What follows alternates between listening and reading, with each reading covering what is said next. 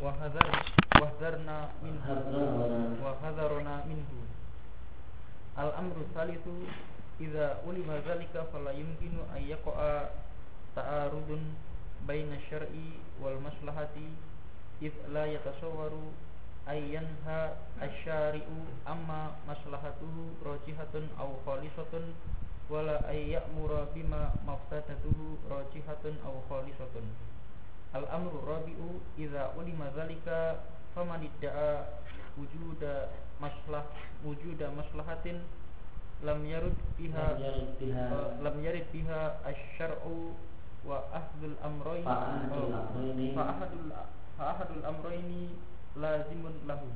Amma anna syar'a dalla ala hadhihi imma? Eh, imma anna syar'a dalla ala hadhihi al-maslahati min haitsu la ya'lamu hadzal mudda'i wa imma anna ma taqaddahu maslahatan laisa bi maslahatin fa inna ba'da ma yarahu nasu minal a'mali muqarraban ila Allahi muqarriban. ila Allahi wa lam yushriku wa lam yushriku Allahu fa innahu la budda ayyakuna dararuhu dararuhu. dararuhu a'zamu min a'zama min nafihi wa illa falau kana naf'uhu a'zama lam yuhilhu asyari'u. Nah. Wabayan Dalika penjelasan tentang talazum antara maslahat dan syariat. Bahasanya semua syariat itu maslahat dan semua maslahat disyariatkan. Dan tidak ada syariat yang tidak ada maslahat Tidak mengandung maslahat dan tidak ada maslahat yang tidak disyariatkan. Penjelasannya penjelasan tentang hal di atas adalah dalam empat poin berikut ini. Sebagiannya mabinun ala tadi sebagiannya adalah derivat dari sebelumnya. Poin kedua adalah turunan dari poin yang pertama. Poin yang ketiga itu turunan dari poin yang kedua. Poin yang keempat itu turunan dari poin yang ketiga. Yang pertama bahasanya syariat ini dibangun di atas prinsip Taktikul masalil ibad Wada'il mafasid Upaya untuk mewujudkan masalah untuk anda Dan mencegah bahaya Dari mereka di dunia dan di akhirat. Maka syariat tidak memerintahkan Kecuali perkara yang masalahnya murni masalah Atau masalahnya lebih besar daripada bahayanya. Dan saya tidaklah melarang kecuali hal-hal yang bahayanya murni bahaya atau bahayanya lebih besar daripada manfaatnya. Maka inti syariat adalah empat hal ini.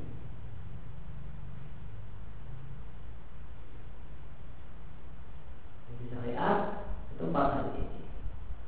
Mewujudkan maslahat yang murni maslahat tidak mengandung bahaya atau yang manfaatnya lebih besar daripada eh, bahayanya dan melarang semua yang murni bahaya yang tidak mengandung manfaat sedikit pun atau perkara yang bahaya dan bahaya yang lebih besar daripada manfaatnya.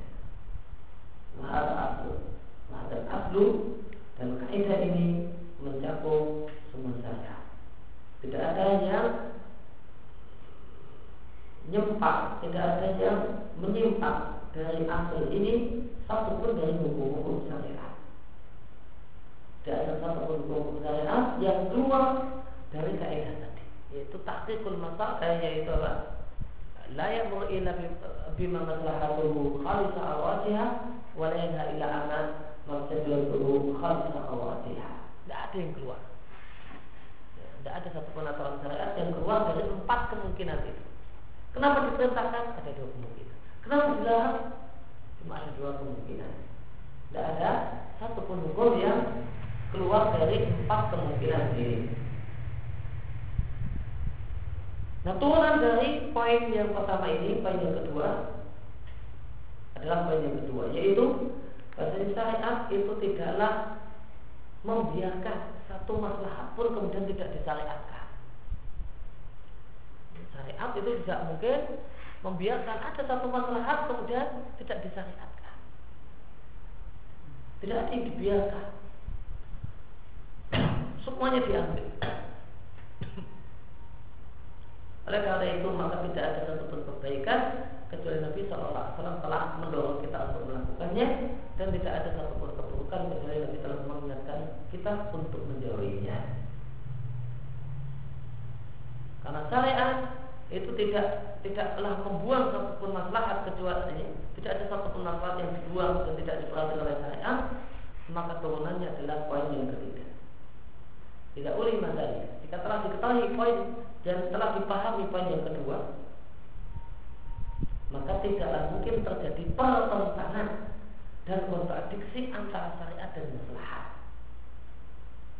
Maslahat yang benar-benar maslahat, maslahat yang khalisah atau wajihah itu tidak mungkin bertentangan dengan syariat. Ada orang mengatakan oh, syariat melarang masalah sesuatu yang masalahnya nanti bisa dibuat manfaat. Tidak mungkin ada. Tidak mungkin ada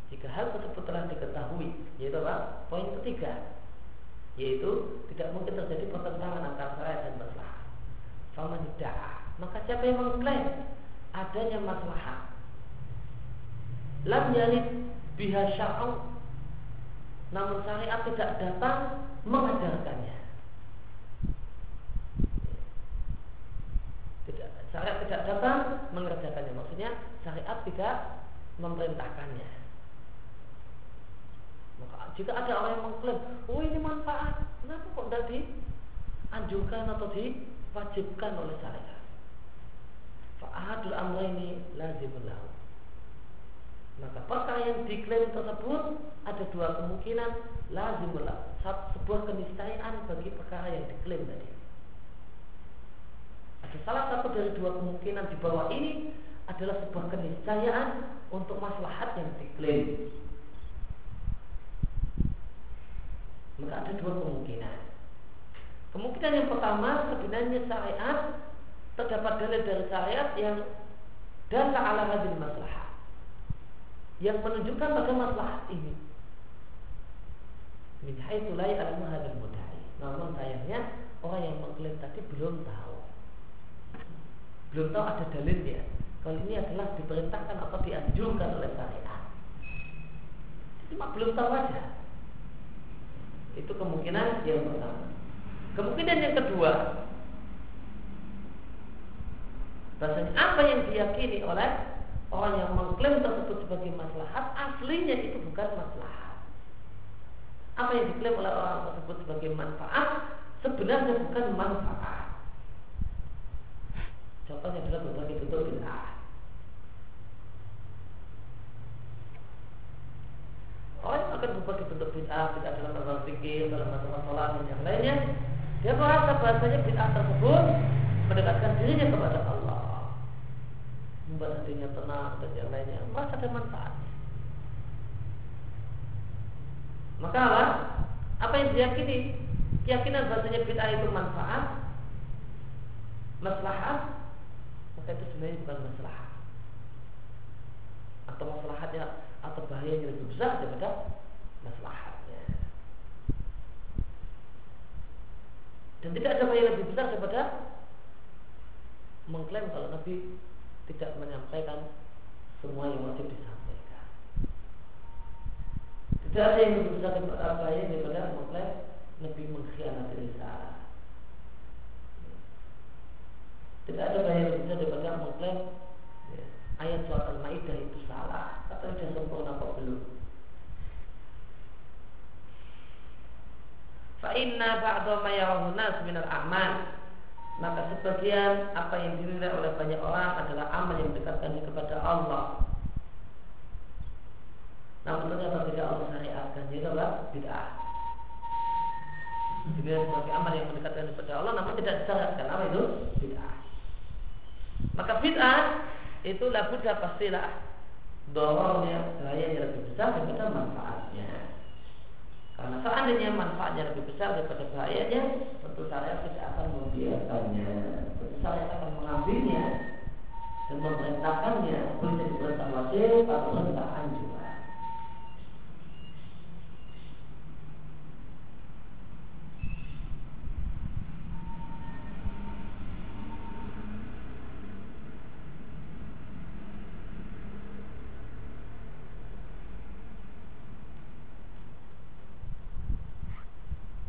Maka sebagaimana keterangan yang tadi telah lewat poin yang ke ke, ke poin yang kedua demikian pula poin yang pertama. Maka semua hal yang maslahat itu disyariatkan diperintah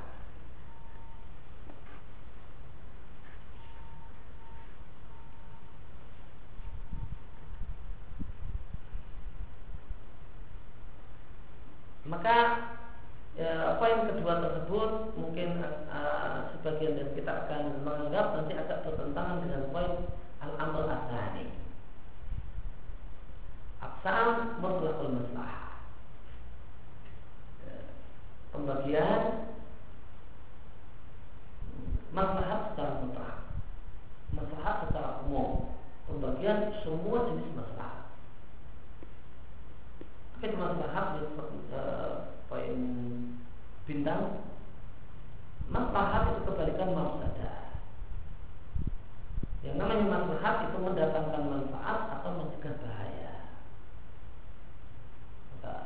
Tegaknya bahaya itu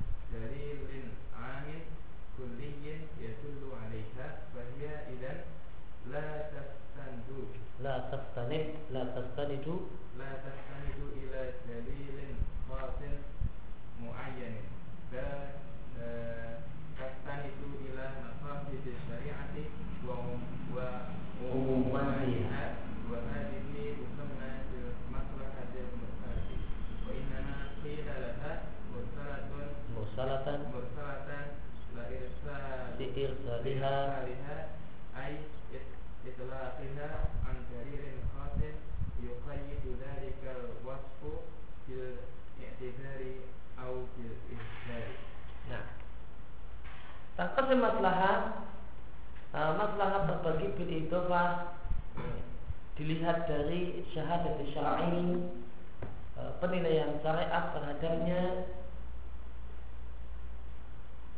terbagi menjadi tiga, tiga macam. Yang pertama maslahat mu'tabar syar'an uh, maslahat yang diakui oleh syariat kemudian maslahat yang dinihilkan oleh syariat dan maslahat yang didiamkan oleh syariat. Ini istilah maslahat maslahah mulghah itu kalau berdasarkan empat poin yang tadi telah kita baca itu kayaknya nampaknya bertentangan. Gimana ini maslahat? Kok mulghah? Atau maslahat kok maskut? Bukankah semua masalah itu diambil dari syariat? Bukankah semua masalah itu diambil dari syariat? Kalau itu maslahat, maka syariat mengambilnya, memerintahkannya. Boleh jadi perintah wajib, boleh jadi perintah istibah. Kenapa ada istilah? Oh sudah maslahat bermulho. Padahal maslahat mesti syariat. Nah, tadi talazum bina syariah wal maslahat. Kalau maslahat mesti syariat. Kalau masalah mesti masuk. Kenapa ada istilah masalah mulgho apalagi masalah demikian juga masalah maskut. Oleh karena itu maka tadi e, poin ini diberi judul aksam mutlakul masalah. Ini pembagian ya, masalah secara mutlak.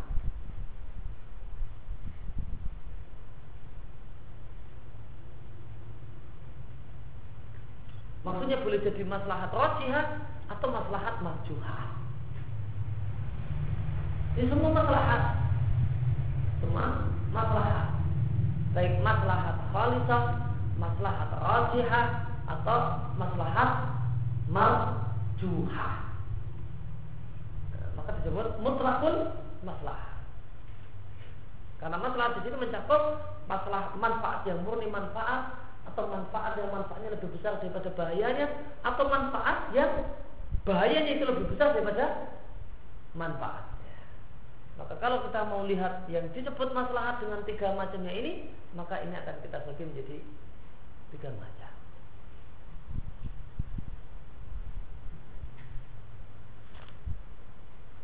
Yang pertama adalah maslahat yang diakui oleh syariat sebagai maslahat yang disyariatkan. Maka itu adalah maslahat syariah, maslahat syariah yang terdapat banyak dalil syariat yang menunjukkan bitolah pihak. Terdapat banyak dalil syariat yang menuntutnya. Ya, yang memerintahkannya. Boleh jadi dalil Quran, dalil sunnah, ijma atau kafiyah contohnya adalah maslahat yang ada dalam sholat. Dengan ketenangan hati dengan adanya pahala dalam, uh, dalam sholat dan yang lainnya Kemudian maslahat mulghah. Maslahat yang dinihilkan, ditiadakan oleh syariat. Itu adalah maslahat yang dinilai oleh seorang hamba dengan pandangannya yang cepat, dengan pandangannya yang dangkal, dinilai oleh hamba ini sebagai maslahat. Akan tetapi ternyata syariat menihilkannya dan menyanyiakannya walam yang tafid ilaiha dan tidak memperdulikannya bahkan terdapat banyak dalil syariat yang melarangnya dan melarangnya baik dari berupa Quran, sunnah, ijma ataupun qiyas. Contohnya adalah maslahat yang ada dalam khamar. Maka masalah jenis ini final dari syariat dalam pandangan syariat dinilai sebagai mafsadah dan bukan masalah. Loh, kenapa kok disebut masalah? Padahal menurut syariat ini mafsadah. Watasmiyatuhu di kita e, penamaan e, poin yang kedua ini macam yang kedua ini dengan maslahat adalah bi'tibar al-janib al-marju. Bi'tibar dengan sudut pandang bahasanya maslahat yang ada dalam perkara ini adalah maslahat marjuha. Ada maslahat ya namun maslahat marjuha. Ya, kita akui ini ada maslahatnya. Namun bukan uh, bukan maslahat rajihah namun maslahat marjuha. Maka disebut nama uh, disebut maslahat dengan mempertimbangkan bahasanya perkara ini masih ada manfaatnya. Ada manfaatnya. Non manfaatnya itu lebih sedikit dibandingkan bahaya yang lebih besar. Atau perkara semacam ini kita sebut dengan maslahat bi'tibar nazarul abdul qasim. Dengan sudut pandang pandangan hamba yang dangkal dan curang. Oh, pandangan orang jual beli khamar maslahat itu manfaat. Dapat duit banyak. Maka dari sudut pandang hamba maka kita sebut dengan maslahat. Kemudian masalah ini kita katakan mulghah Mulgha ini dari mana? Menjadi syar'i dari keterangan syariat. Dari, dari syariat ini mulgha. Karena menurut syariat ini mafsadah. Maka disebut maslahat ada dua kemungkinan. Kita katakan ini karena sudut pandang manusia yang cukup dan jangkal yang menilai maslahat padahal tidak.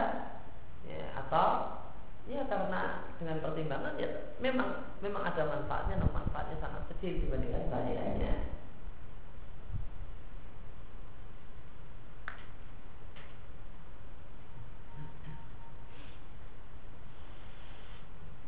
Ini contoh masalah itu semua semua bentuk bid'ah, semua bentuk maksiat. Ini dianggaplah orang manfaat. Selama orang itu menganggap manfaat, ya khamar manfaat, semua maksiat yang dianggap orang manfaat. Nah, rokok manfaat, zina manfaat, ya. mencuri manfaat untuk dapat duit, ya.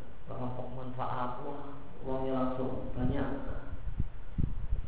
Bunuh orang manfaat, puasa malahnya bisa plong, dan mati orang yang tak benci. Nah, manfaat ini, plong ya semua semua maksiat yang orang menganggap itu dapat manfaat dengan itu. Ya, maka itu maslahat muluk semua bid'ah itu maslahat muluk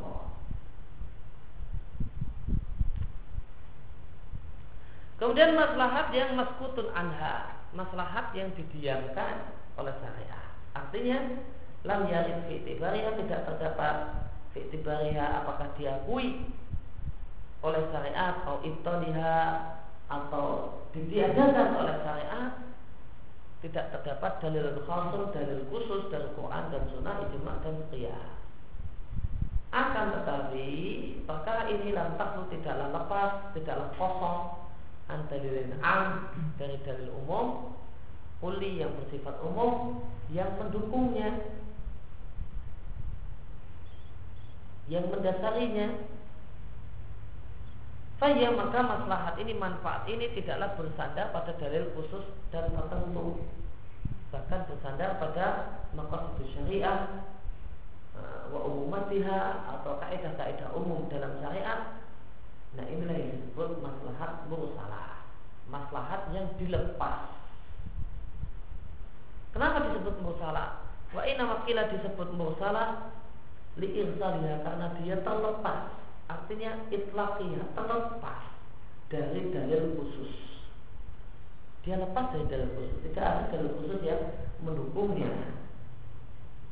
Tidak terdapat dalil khusus yuqayyid dalika yang membatasi dalika wasfi eh, eh yuqayyid dalikal wasfa yang membatasi uh, sifatnya yaitu maslahat tiba itu diambil oleh syariat atau tidak atau tidak diambil oleh syariat.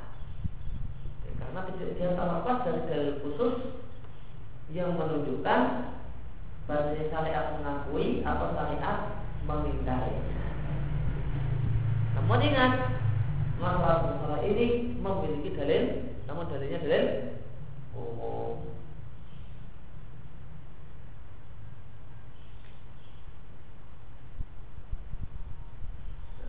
Dan maka musalah itu hanya ada dalam al-umur ad-dunyawiyah.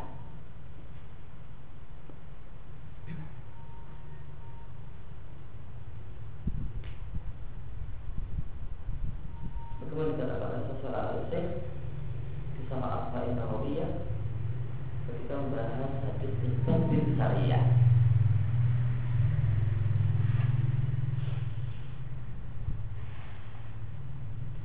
Sehingga kata beliau inilah perbedaan masalah mursalah dengan bid'ah.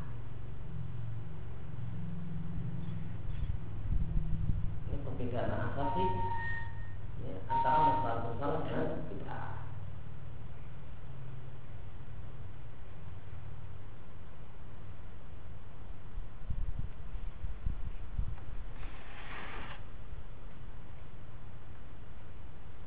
maka jalan di aspal, jalan di komplok nah, itu nah, itu masalah musalah semua teknologi yang manfaat untuk manusia itu masalah musalah mau kemudian uh, uh, motor mau pesawat terbang mau internet mau uh, HP semua masalah musalah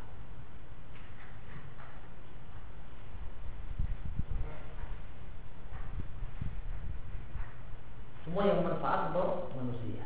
Tidak ada dalil khusus yang menganjurkan untuk mengaspal jalan.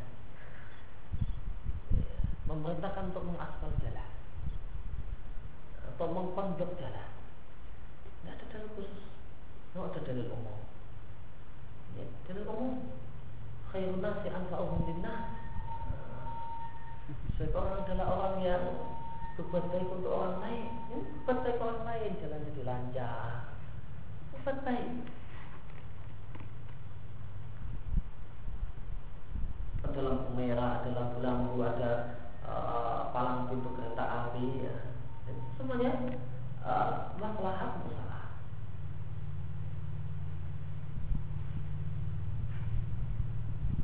tidak ada khususnya dalil khusus untuk dianjurkan memasang palang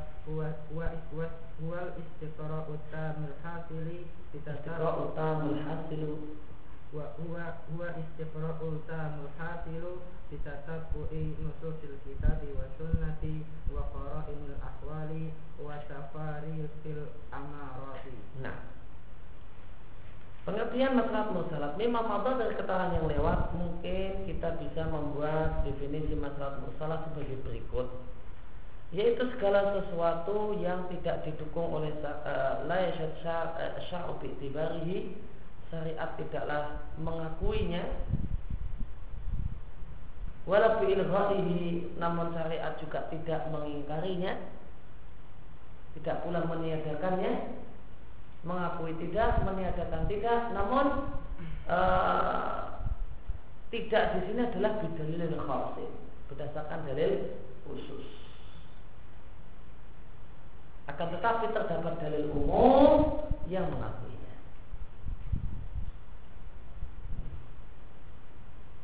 tentang terdapat umum yang mengakuinya dan yang mendukungnya.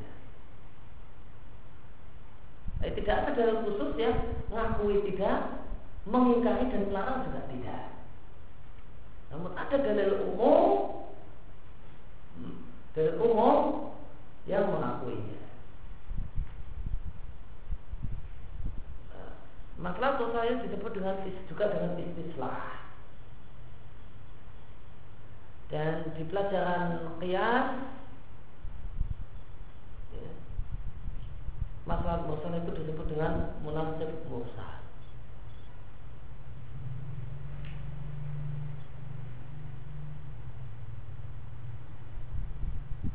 Kalau di pelajaran itu ada munasib mursal. Kalau maslahat mulghah itu di pelajaran qiyas adalah Coba dilihat. Agak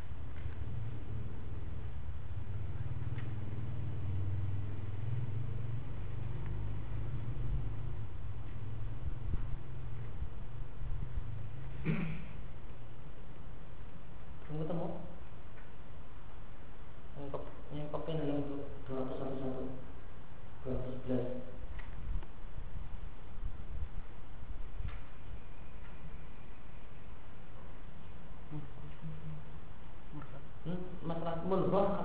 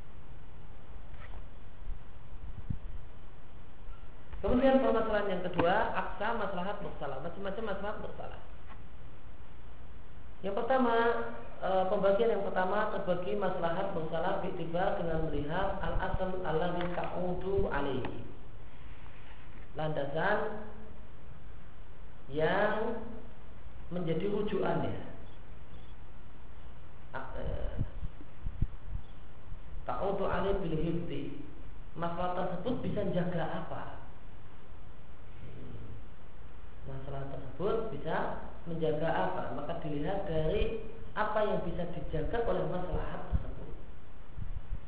Apa yang bisa dijaga oleh masalah tersebut. Maka ada lima macam.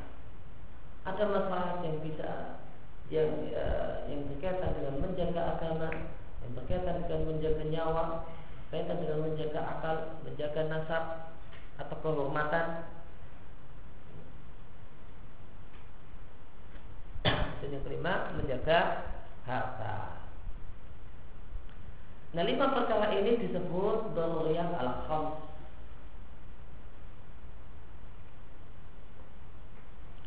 Disebut juga oleh sebagian ulama lima hal ini dengan itu syariah. Namun ada pendapat yang tidak tepat. Sebagian ulama mengatakan bahasanya daruriyat uh, itu syariah itu sama dengan daruriyatul khams. Namun ini adalah pendapat yang kurang tepat. Yang tepat itu syariah itu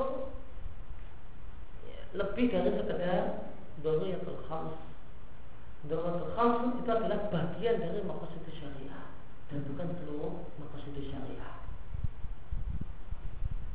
Karena ada itu syariah yang bukan daruriyatul khams semacam kata Syekhul Islam dunia semacam adalah larangan ya, musyabahatul kufar. Larangan musyabahatul kufar itu maksudun min maqasid syariah.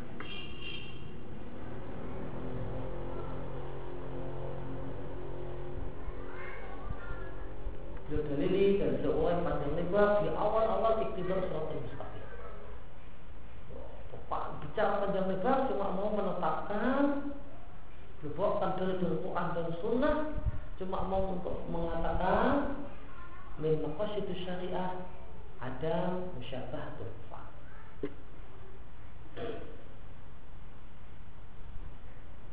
tidak boleh ya, musyabahatul kufar itu memang itu syariah nah, maka itu syariah itu tidak hanya terbatas daruratul khams ada perkara yang lain yang termasuk itu syariah dan itu tidak termasuk dalam Dhariyatul Khams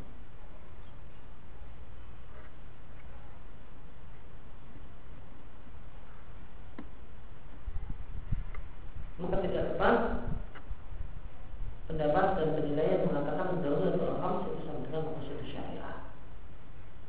Dan tempat yang menulis termasuk yang cenderung pendapat demikian. Maksudnya darurat al itu sama dengan maksud syariah.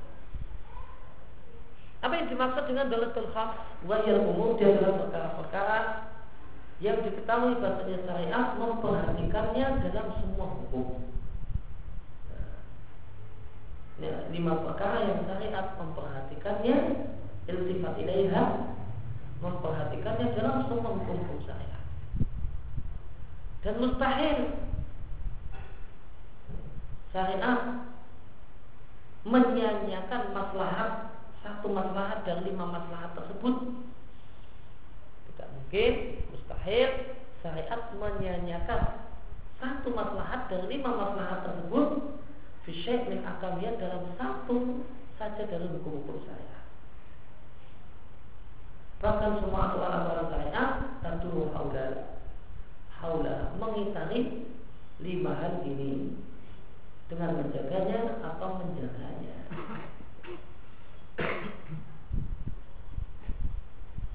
Dari mana ulama bisa mengatakan ada bahasanya semua hukum-hukum syariat. Itu tidak ada satupun yang keluar dari lima masalah ini.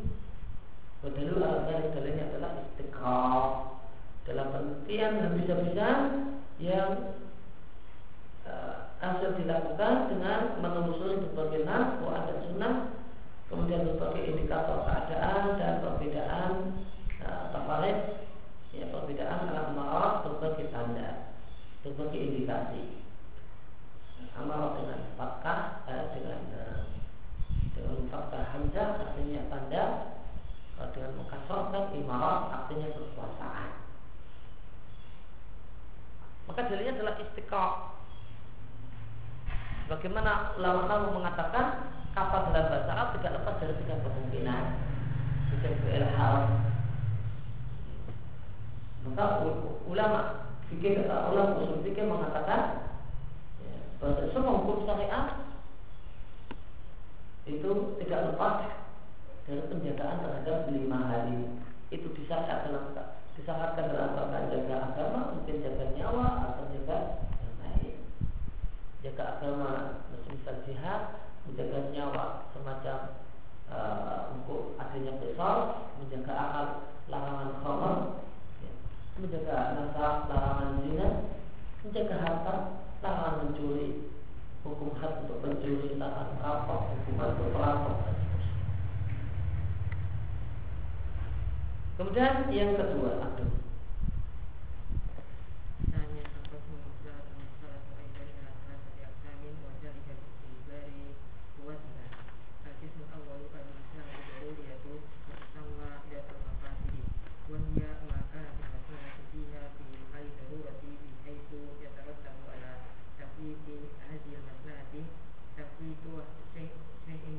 syai'un syai'un la daruriyati wa tafitu syai'in wa tafitu syai'in la daruriyati aw kulliha wa di ahlal masalihi wa dhalika ka tahrim al-qatli wa wujud al-qisasi al-qismu thani al-maslahatu al-hadiyatu wa tusamma jalbu masalihi wa hiya ma kanat al-maslahatu fiha fi mahalli hajati la la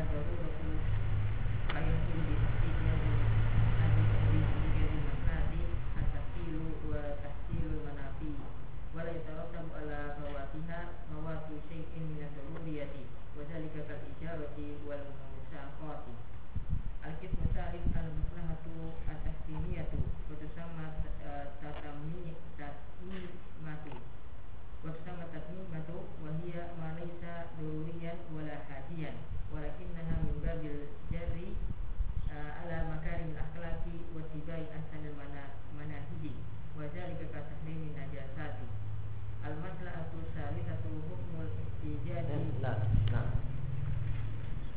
Kemudian yang kedua, maslahah uh, eh, musalah terbagi juga menjadi tiga macam.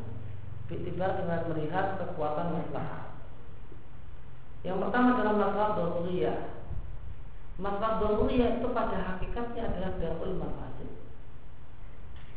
Ini dengan digunakan bahasa dan dinamakan dengan darul mafasid.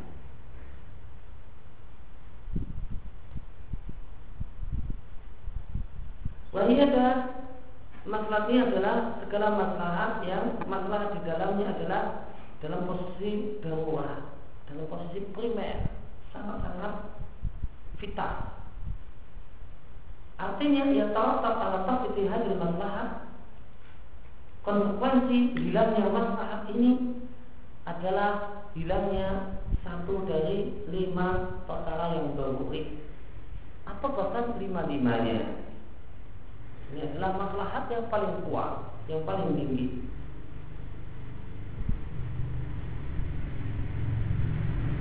Maka haramnya pembunuhan jadi dalam rangka menjaga menjaga ya, menjaga nafs, menjaga nyawa. Seandainya maslahat berupa hukum diharamnya pembunuhan ini dilanggar, maka akan timbul mafsadah pada dorotul khams. Itu mafsadah pada berkaitan dengan masalah nyawa. Demikian juga wajibnya kisah Jika hukum kisah ini tidak dipraktekkan maka akan timbul mafsadah berkaitan dengan masalah penjagaan nyawa. Harga nyawa jadi hukum kisah tidak dilakukan maka harga nyawa jadi murah. Harga nyawa itu murah. Harga nyawa di tempat kita 30 ribu. dua puluh ribu. Pencuri ayam mati. Pencuri ayam mati. Ayamnya berapa? dua puluh ribu. Ayamnya berapa harganya? tiga puluh ribu. Harga harganya apa? tiga puluh ribu. Ini nah, karena itu ayam nyuri harga tiga puluh ribu dipukul sampai mati maka murah murah harganya ketika hukum kita tidak diberlakukan Dan ada maslahat hajiah. Maslahat hajiah ini disebut dengan jalbil masalih. Mendatangkan atau atau rasanya agak aneh kalau dikasih nama dan tusana. Bahasa penulis lebih enak kalau hakikat dari masalah haji ya hakikatnya adalah jalbil masalah yang dimaksud masalah haji adalah segala masalah, segala manfaat yang statusnya adalah hajat. Statusnya adalah kebutuhan dan bukan darurat. Maka ter, apa yang maka terwujud ditahkid dan dimaslahat dengan terwujudnya masalah ini maka akan terwujud kemudahan dan akan terwujud banyak manfaat. Walau tahu dan tidak timbul dampak seandainya maslahat ini hilang, tidak akan ada dampak berupa hilangnya salah satu dari lima doroyatul khams. Contohnya adalah al-ijarah. Dibolehkannya menyewa sewa rumah boleh. Sewa mobil, naik taksi boleh. Ini dengan dibolehkannya hal ini apa? Ada kemudahan. Daripada jalan kaki bisa naik taksi. Daripada numpang-numpang nggak enak bisa ngontak. Mudah. Nah, seandainya misalnya kita andaikan nyewa itu hal terlarang nyewa Apakah ada satu dari lima dolatul khams yang mendapatkan bahaya? Apakah ada satu dari lima dolatul khams yang mendapatkan madarat dan mafsadah dan bahaya? Din, misalnya. Tidak juga. Nyawa. Kalau nggak bisa nyawa mati, enggak. Akal. Nggak bisa nggak boleh nyewa terus gila itu ya jadi hukum nyewa haram kemudian orang pada gila semua. Terbanyak orang gila. Orang yang nggak pada punya rumah itu pada gila. Enggak atau kemudian pada kafir. Ya itu kalau agama. Atau pada mati. Enggak, enggak, karena kalau nggak nyewa ya pasti ada ada ada kemungkinan yang lain. Ya buat kecil-kecilan sebisanya gubuk-gubuk sawah kayak ah. bisa, bisa hidup. Ya, masih enggak numpang-numpang bisa bisa jika nasab ya, ya ada masalah nggak bisa nyewa kemudian hartanya hilang enggak malah utuh nggak kelong untuk biaya sewa ya. Kan tidak ada yang rusak dari lima dolar terkam seandainya. Ya. dan ada terhid ada tahsilul manafi. Wal masyarakat dan bolehnya karena ya, kerjasama antara pemilik ladang dengan orang yang tidak punya ladang saya punya ladang punya kebun karet tapi saya sudah tidak punya waktu untuk ngurusi sendiri. Kamu nggak punya kerjaan nggak punya sawah nggak punya kebun kalau kamu ngurusi kebun karet saya ya, nanti kita uh, kerjasama kita kerjasama kalau di kebun ini kebun punya saya pohon punya saya kamu yang garap nanti kamu tak tak upah sebagian dari uh, hasil karet yang bisa kamu kumpulkan. Misalkan seandainya masa pakai nggak boleh maka tidak ada satupun dari lima darajatul khams yang mendapatkan masadah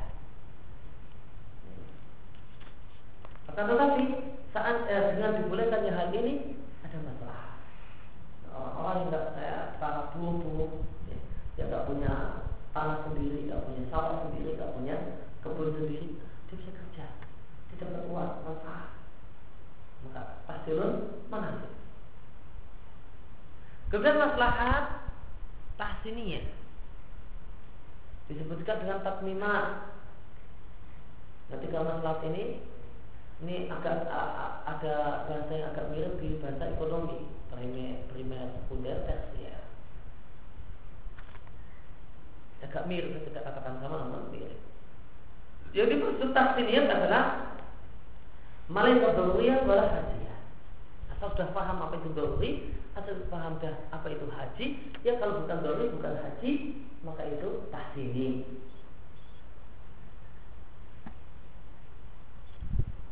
Walaupun akan tetapi masalah ini adalah mimba bagian dari al-jari arah e, berjalan pada akhlak yang mulia, tata krama yang baik, lebih baik asal manahid dan mengikuti cara dan metode yang terbaik.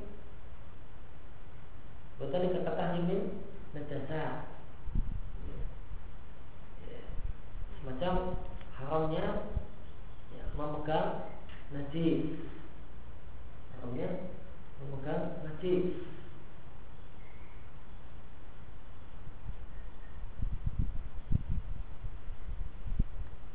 Maka berkaitan dengan tahsin, eh, berkaitan dengan tahsiniyah, yang namanya tahsiniyah itu tidak mesti tidak wajib dan tidak haram. Ada tahsiniyat yang wajib, hukumnya wajib, dan ada tahsiniyat yang hukumnya haram. Meskipun pada asalnya pada asalnya tidak sampai derajat ya. pada asalnya yang namanya data namanya data tahsiniat namanya saja dilihat dan saja namanya pada asalnya tidak sampai derajat wajib dan tidak sampai derajat namun tidak menutup kemungkinan tahsiniat hukumnya wajib dan ada tahsiniat hukumnya haram.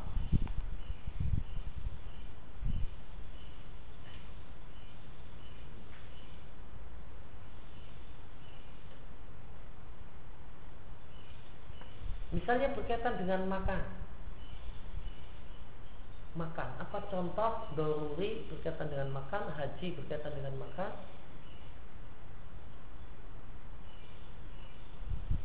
Dan ini berkaitan dengan makan Doruri berkaitan dengan makan Apa contohnya? Hah? Hah? Makan bangkai Bolehnya makan bangkai dalam kondisi darurat Seandainya hukum tidak ada akan timbul mafsadah pada apa? Ibnu Ibnu nafs mati. Tidak ada makanan apa-apa kecuali bangkai. Bolehnya makan bangkai itu dori berkaitan dengan Nah, kita apa? Doruri berkaitan dengan masalah makan. Sekarang berkaitan dengan makan dan itu haji. Apa contohnya? Inti haji adalah jalbul masalah, mendatangkan masalah. Intinya apa? Menghilangkan kesulitan, memberikan kemudahan. Menghilangkan kesulitan, menghilangkan ke dan mendatangkan kemudahan.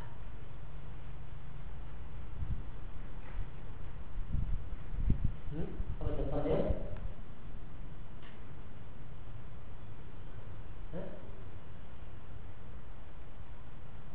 Minum obat bisa turun. Haji dalam masalah makan Contoh haji Masalah haji dalam masalah makan adalah Hello atau ibad halalnya makanan yang enak-enak itu.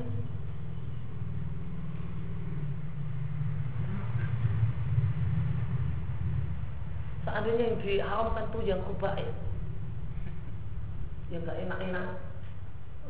Mungkin boleh jadi hidup. Namun ya Ini yang enak-enak itu dihalalkan nah, Itu. Itu terhil lina mau mau minuman yang enak-enak yang seger mau es buah mau es krim mau es boleh semua. Itu hajat itu tahzir untuk wakul harap dari ya, ya, untuk manusia.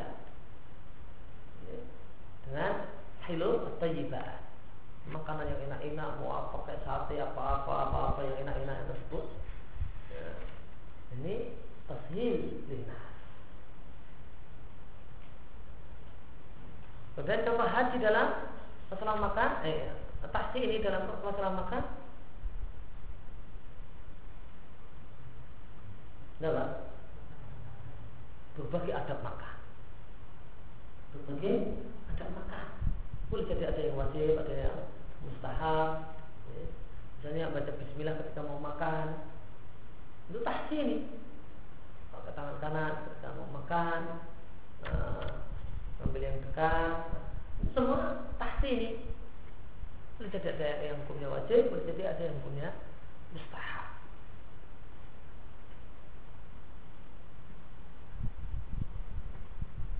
contoh doruri haji dan tahsi ini berkaitan dengan pakaian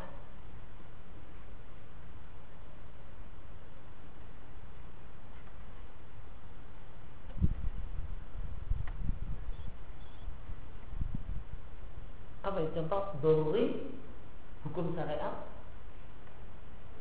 Yang doruri berkaitan dengan pakaian hmm?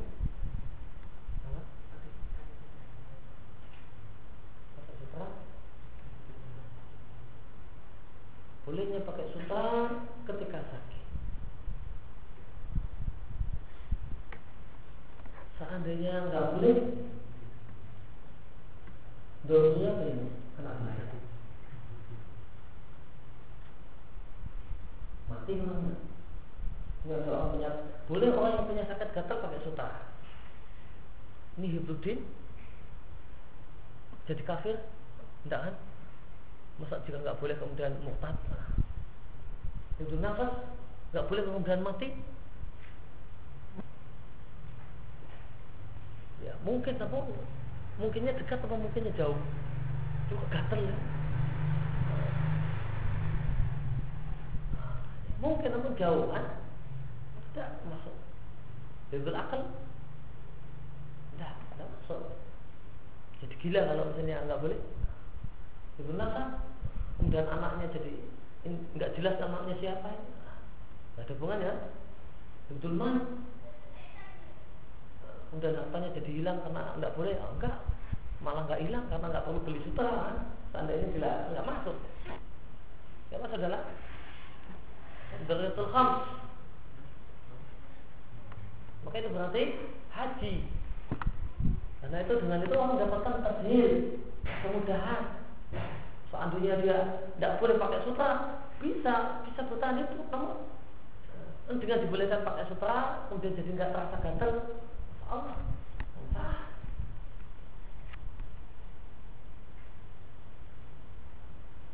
Pakaian yang kebutuhannya doruri, nggak ada.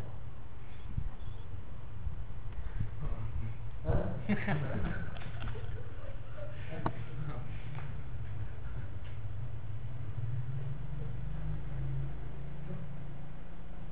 Kita katakan contoh misalnya uh, masalah dulu untuk pakaian ya wajibnya memberi selimut untuk orang yang kedinginan